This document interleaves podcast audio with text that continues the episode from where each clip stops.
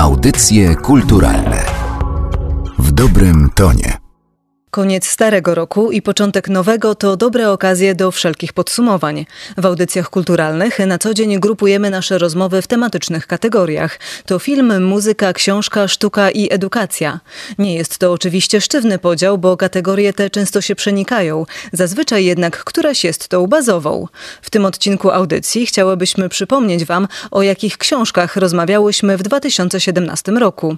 Zapraszamy na subiektywny przegląd archiwalnych rozmów i przypominamy, Przypominamy, że możecie ich wysłuchać w całości na naszej stronie internetowej audycjekulturalne.pl oraz na naszym profilu w serwisie SoundCloud.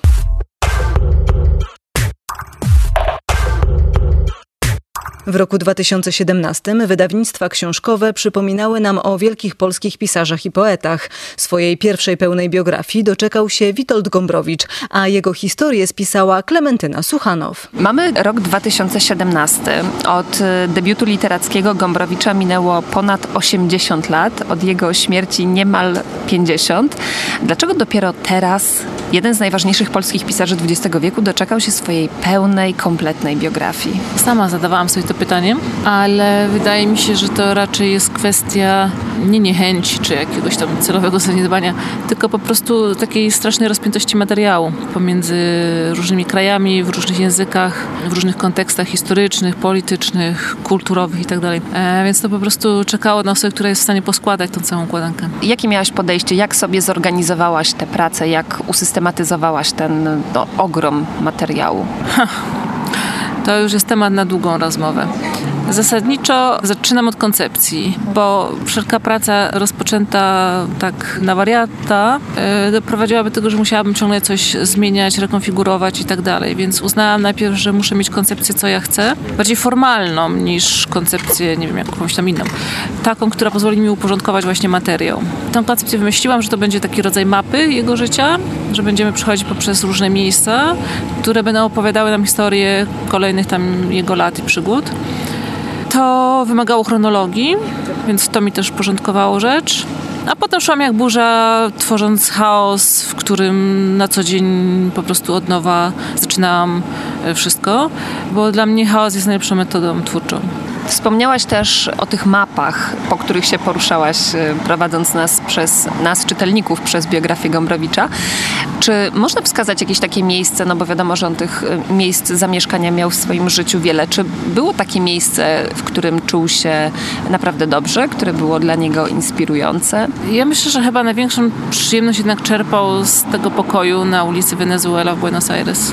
A potem w jakiś sposób z domu, który udało mu się stworzyć Vans te dwa miejsca wydaje mi się, że były jego takimi ulubionymi. Gombrowicz krótko przed śmiercią powiedział, że jeżeli Europa będzie dalej wolna po jego śmierci, to y, on stanie się pisarzem y, numer jeden. A jak dzisiaj jest z recepcją Gombrowicza w Polsce? Gombrowicz stał się klasykiem, został przypruszony tym takim typowym kurzem, jakimś pyłem, który pozwala na przykład prawicy w tym momencie czynić z niego już tradycję, y, czyli Gombrowicz stał się konserwatywny poprzez czas, który upłynął i, i dystans, który nas mierzy od niego. Jest to bardzo nieuczciwa rzecz, i ja bardzo boleję nad tym, że cała edukacja e, taka polska, nie tylko związana z literaturą, jest oparta na tych przeciwstawnych wartościach, że z jednej strony tego Gombrowicza się zagarnia na tą prawą stronę, a z drugiej strony nic z jego myśli, ale nie powtarzanek, e, nie jakichś takich wyklepanych już formułek na jego temat, tylko z myśli, którą on wnosi, czyli człowiek, który ma podążać do wolności, człowiek, który musi rozbijać zastane formy i poszukiwać tego nowego, tej prawdy o sobie. Z tego nic nie ma w tym nauczaniu. To jest dla mnie wielki ból, uważam, że on jest najlepszym mistrzem e, i mógłby być najlepszym całym systemem nauczania w ogóle młodzieży naszej. No ale pobożne życzenia. W nietypowy sposób podeszła do biografii pisarza autorka książki Prus Śledztwo biograficzne. Na potrzeby publikacji stała się detektywem literackim. Rzecz polega na tym samym, na czym polega tak naprawdę praca chyba z takiego zwykłego detektywa, tak jak ją sobie wyobrażamy. Monika Piątkowska. Czyli na zdobywaniu detali, informacji i zbieraniu ich w jedno. Ponieważ jakby nie żyje już zarówno Bolesław Prus, on zmarł w 1912 roku i wszyscy, którzy go znali, którzy jakoś gdzieś blisko niego byli. Więc nie mogłam tych informacji, tego śledztwa prowadzić wśród żywych ludzi, więc prowadziłam je w dokumentach. Słowie pisanym. Takim najważniejszym jakby blokiem, miejscem, do którego najczęściej sięgałem, które było dla mnie najważniejsze, to była oczywiście jego twórczość. I mówimy tutaj zarówno o opowiadaniach, powieściach, felietonach, jak i o tym wszystkim, co jakby prywatnie sam do siebie pisał. O listach, o notatkach, notesach, najróżniejszych drobiazgach. Wszystkie one miały jednak znaczenie, a wszystkie wyszły spod jego ręki. I tam też znajdowały się najciekawsze interpretacje jego samego. A oczywiście to nie był jedyny taki zakres materiału, który ja tutaj zgłębiałam, no bo trzeba było jakby stworzyć też i tło jego i jakby zobaczyć, jak on wyglądał na tle pozostałych postaci XIX wieku, w ogóle na tle swojego środowiska. No a w pewnym momencie trzeba też było się zabrać za literaturę psychologiczną i psychiatryczną. W tej publikacji sporo dowiadujemy się i o realiach, w jakich żył Aleksander Głowacki, o nim samym, o, o jego środowisku, o rodzinie, o towarzystwie, ale również o tym, co działo się wewnątrz jego głowy. W jaki sposób można wejść w myśli kogoś, kto no już od dawna nie żyje i kogoś, kto był do tego stopnia skryty, że nawet o niektórych sprawach dotyczących jego samego nie pisał nigdzie, nawet we swoich własnych notatkach. To była właśnie największa zagadka. Jaki jest klucz? Gdzie jest ten klucz, żeby to wszystko jakoś zacząć rozsupływać? I te klucze się znalazły. Były właściwie dwa. Jeden z nich był tropem podanym przez psychiatrę żyjącego na początku XX wieku, profesora Stefana Borowieckiego, człowieka, który w pewnym momencie bardzo się zainteresował e, życiorysem Aleksandra Głowackiego, Bolesława Prusa i postanowił zbadać jego lęki, bo już wiedział, jakby to też było w środowisku znane, że był człowiekiem lękowym i że doświadczał takich ataków paniki, najróżniejszych fobii, takich, które mogli ludzie zobaczyć, jakby nie były tylko takim wewnętrznym jego stanem.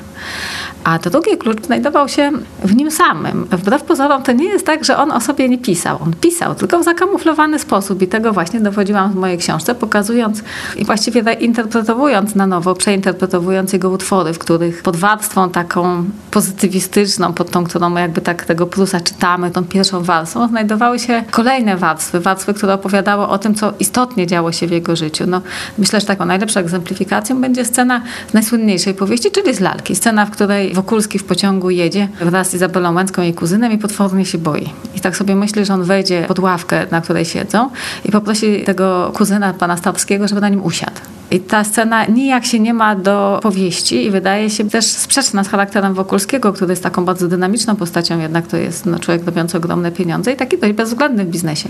A tymczasem przeżywa tutaj takie oto lęki.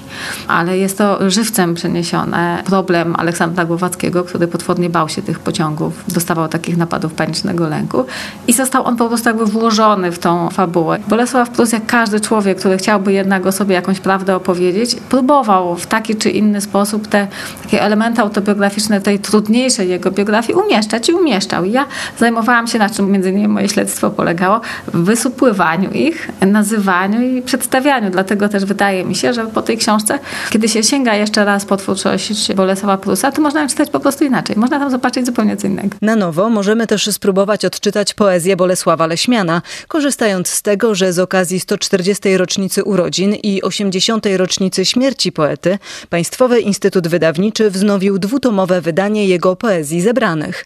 O twórczości Leśmiana opowiadał nam krytyk literacki, eseista i felietonista Jan Gondowicz. Państwowy Instytut Wydawniczy wznowił niedawno poezję Leśmiana, z tą jednak różnicą, że to nowe wydanie nie posiada żadnego filologicznego komentarza. Są to same poezje. Co pan sądzi o takim zabiegu i na ile Leśmian jest w ogóle dla nas dzisiaj czytelny i zrozumiały? Pytanie jest trudne, bo pytanie zatrąca o zawartość e, puszki mózgowej współczesnego Polaka. Czy my w ogóle potrafimy zrozumieć na przykład jakąkolwiek muzykę poza Chopinem, ponieważ nam mówiono, że to jest narodowy polski kompozytor? Czy my jesteśmy skłonni oglądać jakiekolwiek obrazy e, poza obrazami Brandta z jeźdźcami, prawda, albo Kosaka z ułanami, albo mm, z polowaniami, muszą być konie, psy, odbity mogą być kwiaty, prawda? Wszystko jest to gust monachijski sprzed lat 150. Czy możemy tolerować poezję, w której nie ma ani słowa o Polsce. I czy w ogóle Polaków interesuje w dzisiejszym świecie cokolwiek poza Polską? Otóż myślę, że Leśmian e, wystawia mentalność polską na wielką próbę pod tym względem, ale no cóż, e, po to jest światopogląd, żeby podlegał próbom, prawda? Więc e, była okazja, należało takie wiersze wydać i cóż, na temat Leśmiana powstało sporo opracowań niesłychanie szczegółowych. Jarosław Marek Lemkiewicz napisał encyklopedię leśmianowską, gdzie można się dowiedzieć, jakie kapelusze nosił Leśmian i kiedy, jak jakich bywał lokalach, z kim się przyjaźnił i dlaczego, jakie miał pośmiertne przygody, bo podobno straszył córki po zgonie, co porabiał w Paryżu, a co w Nice i że miał zamiar otworzyć e, na Gubałówce kasyno. Byłby to złoty interes, notabene. Szkoda, że nie wyszedł. Wszystko to jest bardzo ciekawe. Mówi trochę o człowieku, nic o jego poezji. Oddanie prawdziwego hołdu poecie i dowiedzenie się, kim naprawdę był ten człowiek, to jest wniknięcie w świat wewnętrzny jego wierszy, obcowanie z tekstami. Wtedy można poznać sposób czyjegoś myślenia i drogi czyjejś wyobraźni. A to jest największa rzecz, jaką można dać poecie i za życia, i po śmierci. Starać się myśleć jego myślą, czuć jego uczuciami. Każde nowe wydanie, a zwłaszcza wydanie wierszy zupełne, które pokazuje również boczne ścieżki, meandry, czasami pomysły nieudane, bo i takie Leśmian miewał, daje okazję do zamieszkania w tym świecie i skonfrontowania go ze swoim światem a po to właśnie jest poezja. Do świata Indian północnoamerykańskich zapraszał Polaków Sat Och, czyli Stanisław Supłatowicz. Mity, w które obrosła jego biografia, w książce Biało-Czerwony Tajemnica Satokha opisuje Dariusz Rosiak. Dla mnie Stanisław Supłatowicz czy Satok był taką postacią gdzieś tam z tyłu. Ja w dzieciństwie nie szalałem za nim, tak powiedzmy. W takim razie jak to się stało, że na tyle zainteresował się pan tą postacią Supłatowicza, Satoka, czy jego legendą, że postanowił pan napisać o nim książkę. Kolega mi o nim opowiedział. Opowiedział mi legendę, bo tej legendy nie znałem. Maciej Drygas, polski reżyser, dokumentalista. Kiedyś się spotkaliśmy. Ja pisałem akurat wtedy książkę zupełnie o czym innym, ale jakoś tam to było związane z północą Stanów Zjednoczonych czy Kanady. I on mówi, a ty znasz polskiego Indianina? Nie znam. No to posłuchaj mi opowiedział tę legendę. I moim zdaniem ta jego postać i ta historia niosła w sobie taką symbolikę i taki potencjał opowieści, że wydawało mi się, że po prostu muszę to napisać. I dlatego napisałem. On łączył wiele różnych rzeczy, które mnie interesują. Przede wszystkim to, że w tej postaci kryła się historia Polski i to w takich najbardziej dramatycznych jej odsłonach, od czasów caratu, przez walkę, jego matka według legendy była rewolucjonistką PPS-owską, należącą do PPS. Jak się okazało, to nie jego matka, tylko jego ojciec. Jeżeli Leon Supłatowicz był jego ojcem, bo to też nie jest takie oczywiste. Był członkiem PPS Lewica. Potem cały okres wojenny, kiedy ponoć został aresztowany przez Gestapo, jak się okazało. Został aresztowany, ale nie za działalność w Związku Walki Zbrojnej czy w AK, tylko za kradzież. Ale rzeczywiście walczył w AK, brał udział w akcji Burza. Był żołnierzem, był wybitnym żołnierzem, wielokrotnie odznaczanym. Potem cały ten okres powojenny, odbudowy, okres na wybrzeżu zupełnie fascynujący i pasjonujący. Czasów, kiedy porty były rozminowywane, e, oczyszczane ze statków niemieckich, które zostały porzucone przez Niemców w końcowym okresie wojny. Czas, kiedy pływał na Batorym, okres PRL-u, okres budzenia się jakiejś takiej, powiedziałbym, świadomości przygodowej całego pokolenia ludzi, którzy pod jego wodzą zakładali polski ruch przyjaciół Indian. To wszystko były niezwykłe momenty w historii Polski, powojennej, trochę przedwojennej, a także jego literatura. Prawda? W międzyczasie jednocześnie był znanym pisarzem w Polsce i celebrytą. To, co dzisiaj byśmy nazwali celebrytą, prawda? On występował w programach dla młodzieży, pisał w Świecie Młodych, w Płomyku. Także miał swoje miejsce w tej kulturze popularnej bardzo silnej. A oprócz tego oczywiście na samym Wybrzeżu był bardzo znaną postacią i bardzo cenioną i popularną. Więc był kimś, wokół kogo rozpościerała się pewna taka legenda niezwykłości. Legenda, mit człowieka, który pochodzi nie wiadomo skąd, który łączy taką siermiężną, gomułkowską Polskę ze światem przygód, ze światem wolności, ze światem Indian, ze światem, w którym liczy się honor, liczy się dobro, w którym te podziały są w miarę proste, prawda? Są dobrzy Indianie, źli biali. Zresztą o tym w książce piszę. Ta mitologia oczywiście miała luźny związek z rzeczywistością, zarówno jego historia, jak i w ogóle sposób, w jaki on traktował Indian, jaki podchodził do Indian. No tym niemniej to było nieprawdopodobnie pociągające dla Polaków spragnionych tego typu wzorców, tego typu ideałów. I wydawało mi się, że to wszystko jest warte opisania, bo niesie gdzieś w sobie pewien potencjał opowieści nie tylko o historii tego konkretnego człowieka, która sama w sobie była fascynująca, ale można przy tej okazji opowiedzieć coś więcej o nas samych, o Polakach, o tym jak szukamy mitów, jak obalamy mity, dlaczego niektóre z nich podtrzymujemy wbrew faktom, wbrew rzeczywistości, wbrew prawdzie, wbrew temu, co o nich wiemy, a inne z kolei obalamy. To jest coś, co wydawało mi się ważne i to nie tylko ważne w kontekście historycznym, ale w kontekście tego, co się dzieje w tej chwili w Polsce, jak sami na siebie patrzymy. W roku 2017 swojej biografii doczekał się również bohater kultowych komiksów z czasów PRL-u. Ale Kapitan Żbik Portret Pamięciowy to również opowieść o fenomenach komunistycznej popkultury. Portret pamięciowy, wiemy jak powstaje z opowiadań różnych świadków, tworzy się właśnie ten portret złoczyńcy, a w tym przypadku przypadku bohatera, czyli kapitana Żbika. No i sięgając w poszukiwaniu źródeł tej postaci, dotarł pan między innymi do spektakli kryminalnych, które e, były czymś e, wyjątkowym, niespotykanym chyba nigdzie indziej. No rzeczywiście, myślę, że nie ma żadnego kraju na świecie, gdzie, gdzie właśnie taki nurt powieści milicyjnej był uprawiany w postaci teatrów telewizji. Mateusz Szlachtycz, współautor książki o kapitanie Żbiku, są wydawane przez telewizję polską. Ja je gorąco polecam oczywiście fanom takiego kiczu i tandety, bo są zrealizowane w sposób, jak ja to nazywam, komedię mimo woli, ale właśnie w tym jest jakaś taka perwersyjna przyjemność obcowania z nimi. Aczkolwiek chcę powiedzieć, że moja książka w ogóle traktuje o, o popkulturze PRL-u no, w takiej samej mierze, jak i o samej serii Kapitan Żbik. Starałem się tego nie robić, żeby to było zamknięte tylko do jednego komiksu, który no, no nie dla wszystkich będzie interesujący, nawet dla mnie nie będzie aż tak interesujący, a chciałem napisać taką książkę, jaką sam chciałbym przeczytać.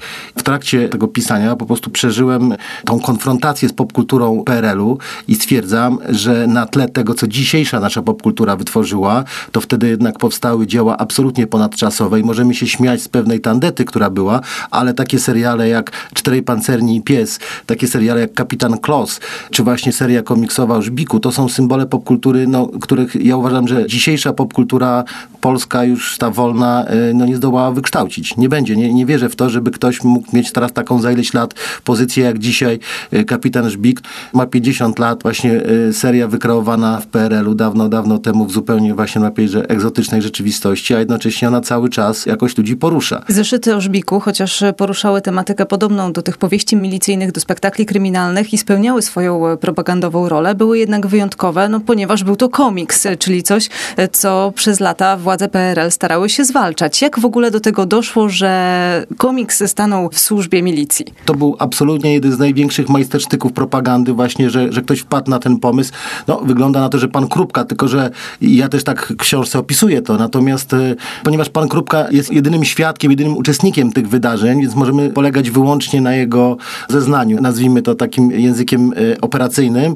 To są takie zeznania, no, które są no, z dużym znakiem zapytania. Przyjmuję oczywiście wszystko, co pan Krupka mówi z, z zainteresowaniem i, i na tym jakoś no, starałem się zbudować opowieść właśnie, jak w ogóle doszło do tego powstania kapitana Żbika. Komiks PRL-u przede wszystkim no właśnie został postrzeżony jako znakomite medium do uprawiania propagandy. Poziom tych nakładów y, to były setki tysięcy egzemplarzy. I jeżeli się pojawił teraz dobry rysownik, to ten rysownik rzeczywiście mógł zaistnieć. I los tak chciał, że się wtedy pojawiły trzy nazwiska. Najpierw y, Grzegorz Rosiński, za chwilę Bogusław Polch, potem pan Wróblewski. A jeśli ciekawi was, jak w czasach PRL-u, ale też na początku XX wieku, w okresie międzywojennym i w trzeciej RP wyglądało polskie projektowanie graficzne, sięgnijcie po wspaniale wydaną książkę Piękni dwudziestowieczni pod redakcją Jacka Mrowczyka. Ten pierwszy okres do roku 45 opisuje tak naprawdę początki i rozwój tej dyscypliny, jaki miał miejsce w latach 30. Michał Warda, jestem krytykiem, historykiem designu. To bardzo słabo znany nam tak naprawdę okres. Mówimy wiele o awangardzie, o pewnych wybranych twórcach, jak choćby Tadeusz Gronowski, natomiast nie mamy pełnego obrazu tej epoki, a działo się tam naprawdę bardzo, bardzo dużo. Po roku 1945 przemiany polityczne związane z wprowadzeniem nowego ustroju. Ten okres to również rozkwit, rozwój projektowania typograficznego, książki, grafiki użytkowej, opakowalnictwa, czyli tych dziedzin, które zwykle rozwijają się wraz z wzrostem e, gospodarczym, społecznym, rozwojem e, itd. Tak Więc to jest zupełnie naturalne, ale przez tych ostatnich 50 lat do 89 roku krytyka artystyczna była bardzo skupiona na plakacie, spychając nieco mm, w bok tak ważne dziedziny, jak te, o których wspomniałem. Ta książka stara się to zrównoważyć. Po roku 80 następuje oczywiście znowu zmiana spowodowana pewnymi zjawiskami natury politycznej, ale również kulturalnej i tak naprawdę tym największym przełomem są lata 89-90 i to, co działo się w latach 90 i to, co wydarzyło się po roku 2000. To są zupełnie jakby odrębne e, zjawiska, odrębne epoki. Pokazują w szerszej perspektywie nasz poziom również świadomości kultury wizualnej, estetycznej właśnie w tych czasach. I sama książka Piękni dwudziestowieczni jest rezultatem wysiłków pewnego pokolenia projektantów i krytyków. To ci, którzy po roku 2000 założyli i tworzyli przez ponad 15 lat magazyn 2 plus 3D, ale również ci projektanci, którzy byli współtwórcami Stowarzyszenia Twórców Grafików Użytkowych, e, którzy w sposób czynny, zdecydowany i zaangażowany starali się wpływać na zmianę pewnych standardów zawodowych, ale również na społeczny odbiór projektowania graficznego i kultury wizualnej w ogóle. Nikt do tego momentu nie pokazał wielkiego spektrum bogactwa polskiego projektowania graficznego z tego okresu w sposób jakiś taki i syntetyczny, a jednocześnie no jednak rozległy, prawda? Tam w tej książce znajduje się 1133 barwne reprodukcje, które same sobą po prostu mówią i, i przekonują o jakości tych dokonań. Piotr Rybson, Muzeum Narodowe w Warszawie przedziwny sposób tak się ułożyło, że nawet w Polsce przez wiele lat uważano, no tak, że jest po prostu świetny design, nie wiem, sowiecki, tam związany z rewolucją, że jest świetny Bauhaus w Niemczech, że Holendrzy mają swoje znakomite projektowanie związane z tradycją Desti i tak dalej, i tak dalej, że również Szwajcarzy oczywiście mają swoją wybitną szkołę, no a w Polsce to tam coś tam było. A tu się okazuje, że wprawdzie w Polsce nie ma czegoś tak wyrazistego, jak każda z tych przytoczonych przed chwilą szkół projektowania czy jakichś fal projektowych, ale za to jest niezwykle szeroka paleta bardzo zróżnicowanych środków wyrazu, z wielką maestrią pociągnięta od konstruktywizmów po ilustracyjne, figuralne, szalenie barwne kompozycje takich artystów jak Norblin czy Gronowski. Więc w którejś z recenzji napisano, że to, chyba to Steven Helle pisał, że otwiera pudełko ze skarbami. To oczywiście nie wszystkie książki, o których mówiłyśmy w audycjach kulturalnych w roku 2017. Te i pozostałe odcinki znajdziecie na naszej stronie internetowej audycjekulturalne.pl oraz na naszym profilu na SoundCloudzie. Zachęcamy do słuchania.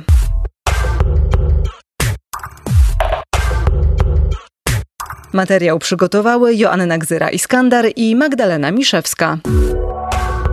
Audycje kulturalne w dobrym tonie.